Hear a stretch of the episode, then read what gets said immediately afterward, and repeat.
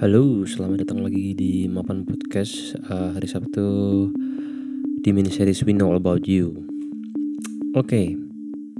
uh, eh, kemarin seminggu uh, seminggu istirahat ya. Terus ini ya, ya mini series We Know All About You ada lagi.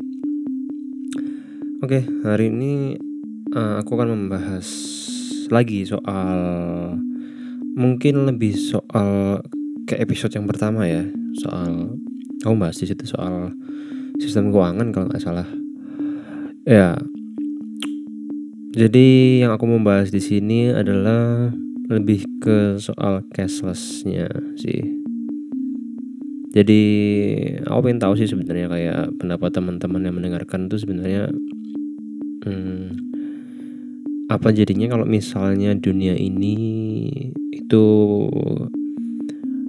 uh, full cashless gitu jadi nggak ada pilihan pilihan cash. Apakah menurut kalian itu uh, sangat-sangat memudahkan? Terus tanpa ada risiko yang diambil? Atau sebaliknya? Atau di tengah-tengah? Nah di sini aku akan kasih pandangan uh, soal cashless. Jadi seperti yang di episode pertama yang udah pernah jelasin itu soal sistem keuangan bagaimana dan pada akhirnya sekarang muncul sebuah hmm, sistem keuangan cara berniaga yang baru yaitu dengan cara cashless nggak pakai uang kertas lagi tapi udah bentuk digital. Dengan menggunakan kartu atau hmm, aplikasi gitu ya yang udah bisa hmm, apa ya kita bayar pakai online gitu jadi pandanganku soal cashless itu sebenarnya ini kita bicara soal benar-benar full cashless ya. Kalau kita semua full cashless, uh, dari pandanganku itu sangat berbahaya. Dari ini di di samping kemudahan dan sebagainya ya. Jadi full cashless itu berbahaya karena kita mendengarkan jadi sistemnya kan gini kita membayar sesuatu dan diterima pihak ketiga kita mau membayar sesuatu baru uh, apa ya kita di accept apa enggak. Entah dari segi internetnya kita koneksinya bagus apa enggak atau dan sebagainya dan sebagainya. Terus kalau misalnya itu kalau debit ya kalau kredit gitu uh, misalnya udah full apa gimana udah limit apa gimana kreditnya pada akhirnya nggak bisa bayar gitu kan. Itu kalau full cashless. Jadi kita sangat tergantung dengan hmm, yang namanya internet kan. Kalau full cashless kita harus punya jaringan yang bagus dan segala macam. Dan ada hal lain yang disebutkan aku juga pernah lihat di salah satu sumber yang mengatakan bahwa uh, eh, kayak misalnya kayak katakanlah PayPal gitu-gitu. Itu mereka sebenarnya juga memberi data kita data pribadi kita untuk Google, Facebook dan lain-lain. Tujuannya kalau katanya sih buat uh, marketing dan segala macamnya ya cuma kan nggak tahu ya. Dan itu dia ada di terms and condition yang uh, banyak banget. Jadi orang ada kemungkinan lebih nggak bakal mau baca gitu loh. Jadi itu full cashless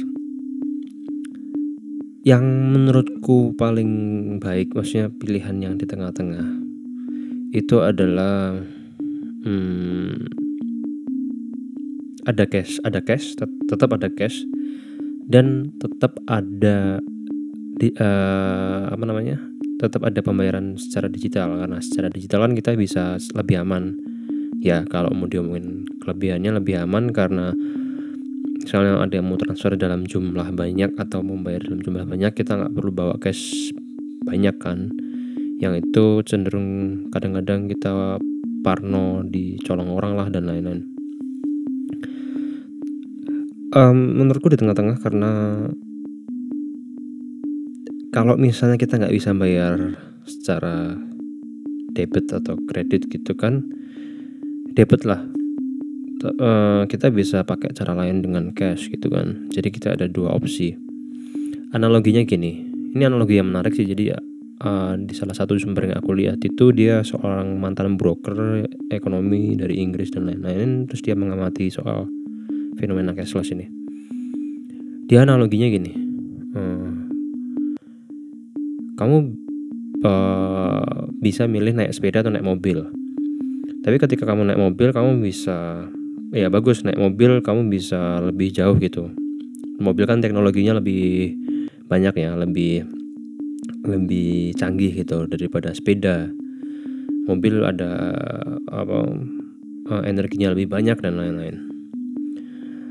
Tapi uh, ada beberapa organisasi atau perusahaan yang mendukung soal society ini mereka ingin jadi full cashless. Itu mereka uh, mereka ingin kita semua naik mobil tanpa kita boleh naik sepeda lagi. Jadi kita harus full cashless. Mereka menuju ke itu. Jadi kita nggak boleh naik sepeda lagi. Kita nggak punya dua uh, opsi lain untuk berpergian istilahnya. Kan padahal naik mobil tuh ada ada apa? Ada efek negatifnya juga ada kekurangan dan kelebihan begitu juga dengan sepeda. Tapi kan kita bisa milih antara naik sepeda atau naik mobil. Kalau dekat mungkin naik sepeda atau kalau misalnya jauh kita bisa naik mobil. Tapi organisasi ini atau korporat besar ini mereka nggak mau kita uh, bergantung pada cash lagi. Dan itu yang terjadi di Sweden. Di Sweden sudah ditutup semua bank-banknya terus orang orang-orang yang masih harus um, apa ya ingin memakai cash gitu agak dipersulit dengan harus menuju ke, ke kota apa dengan waktu yang setengah sampai satu jam gitu. Dan itu merepotkan. Nah selama kita punya cash ya disyukurin aja sih maksudnya karena apa ya ini cukup unik yang terjadi di Indonesia. Ini uh, istilah cashless itu apa ya sangat-sangat tren di kalangan anak muda nih karena kemudahan dan segala macamnya. Kan termasuk baru ya baru berapa tahun juga gitu. Uh, uh, go go apalah dan lain-lain itu. Itu kan masih termasuk baru. Jadi orang orang-orang melihat itu secara gamblang hanya dari segi keuntungannya saja tanpa harus tanpa mereka bisa melihat efek negatifnya. Efek negatifnya kalau misal kalau teman-teman ada yang punya uh, e-banking gitu kan ada yang namanya mutasi ya. Nah, mutasi itu kan uh, kita bisa nulis ini pembayaran untuk apa, untuk apa, untuk apa. Nah, kan itu kan pihak bank tahu. Jadi pihak bank juga tahu apa apa apa tujuanmu membayar itu untuk apa dan lain-lain. Dan itu menurutku privasi ya. Jadi um, menurutku pihak ketiga nggak harus tahu sebenarnya. Cuma ya begitulah yang ada. Hmm, ya itu sih yang apa ya yang sangat yang mungkin aku concernkan soal cashless society. Ini jadi orang-orang nggak mau melihat negatifnya lagi. Uh, mindsetnya dibuat oh ini mudah kok kamu bisa jadi orang yang uh, seperti aku gitu mungkin ya mungkin ada yang menganggap oh kamu nih ketinggalan zaman banget sih kok nggak ini dan lain-lain. Kok kamu nggak mau menerima perubahan dan lain-lain gitu kan. Tapi menurutku uh, ya kita harus berpikir kritis juga sih. Kita nggak bisa menerima perubahan itu secara mentah-mentah juga.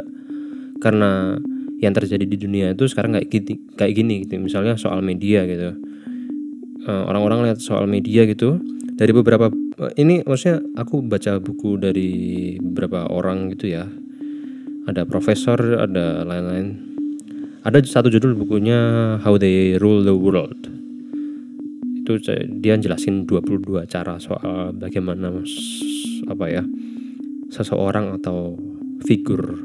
Hmm, jadi mereka cara mereka mengontrol dunia itu kayak gimana. Dan salah satunya dengan uh, membuat keruh informasi. Jadi media yang ditimbul yang yang ada tuh banyak. Dan ter apa ya istilahnya uh, kalau kalian kalau bahasanya tuh uh, informasi yang kita terima tuh udah berkerut-kerut gitu loh. Jadi udah nggak mulus lagi dari awalnya. Dari dari dari pencari sumber beritanya itu kadang-kadang ada mereka melebel-lebelkan di judul dan lain-lain itu untuk uh, rating dan lain-lain gitu kan.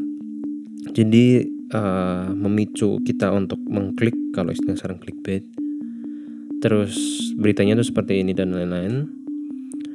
Tapi itu bisa jadi uh, media yang kita baca mengambil sumber dari berita lain gitu kan dan bisa berubah-berubah. Jadi apa ya kayak kemarin ada kepanikan soal corona masuk uh, Indonesia gitu uh, pada panik kan. Jadi semuanya serba gegabah. Ya apa ya?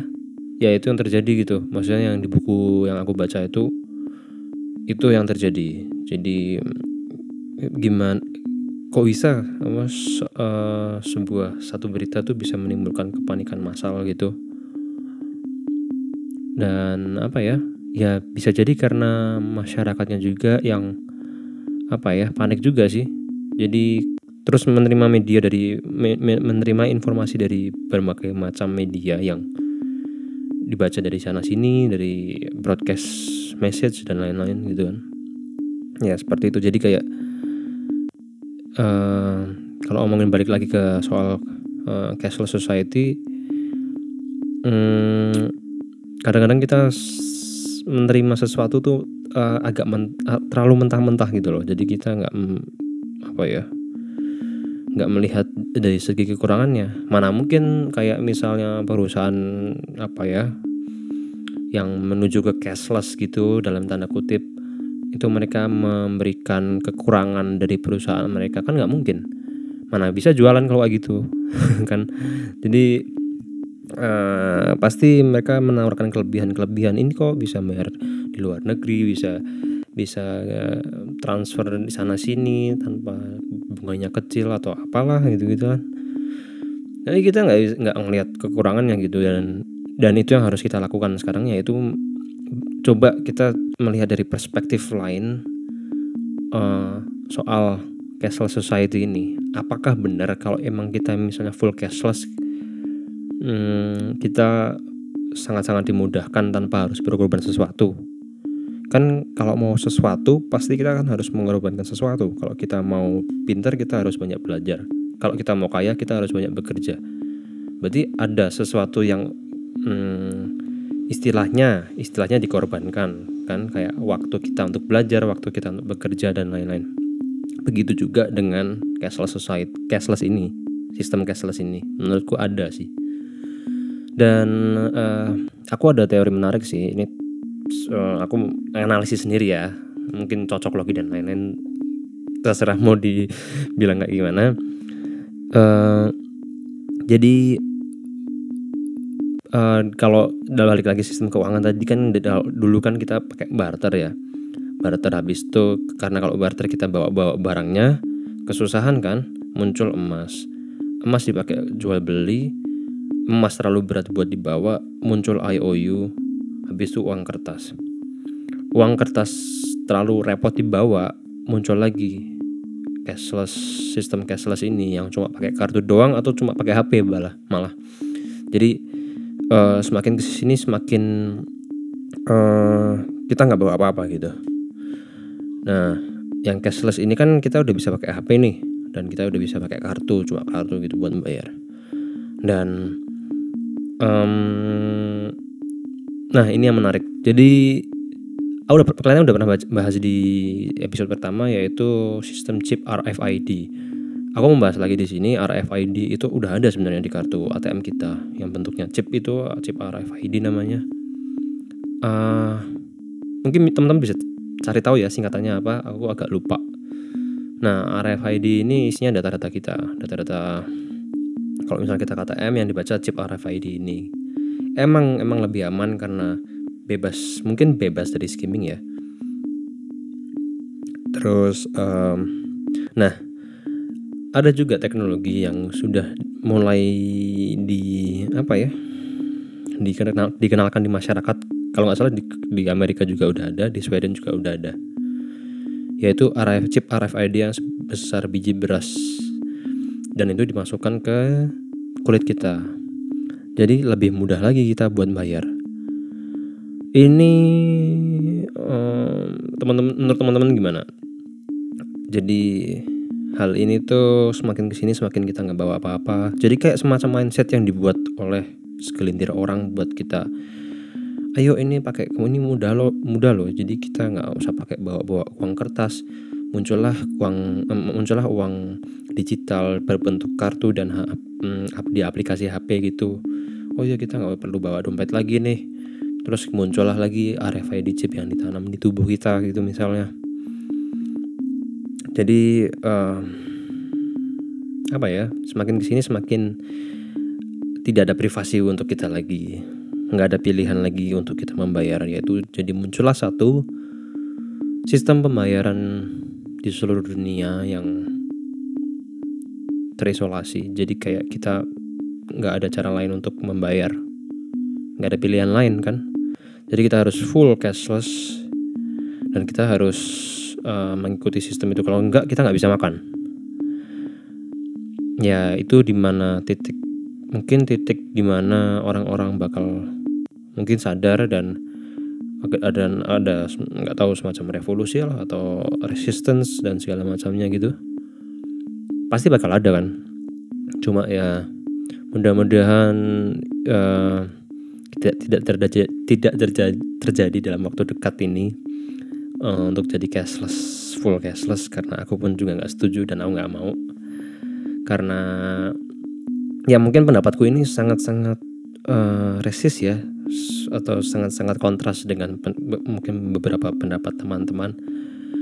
Jadi kalau teman-teman mau membahas lagi atau diskusi kita bisa DM-DMan di Mapan Podcast di Instagram kita mapan at mapan podcast habis itu kita udah ada di Apple Podcast dan di Spotify yang jelas. Jadi kalian dengerin terus Mapan Podcast. Kita ada beberapa hal menarik lainnya juga dari mini series yang lain. Jadi kita akan bahas-bahas terus.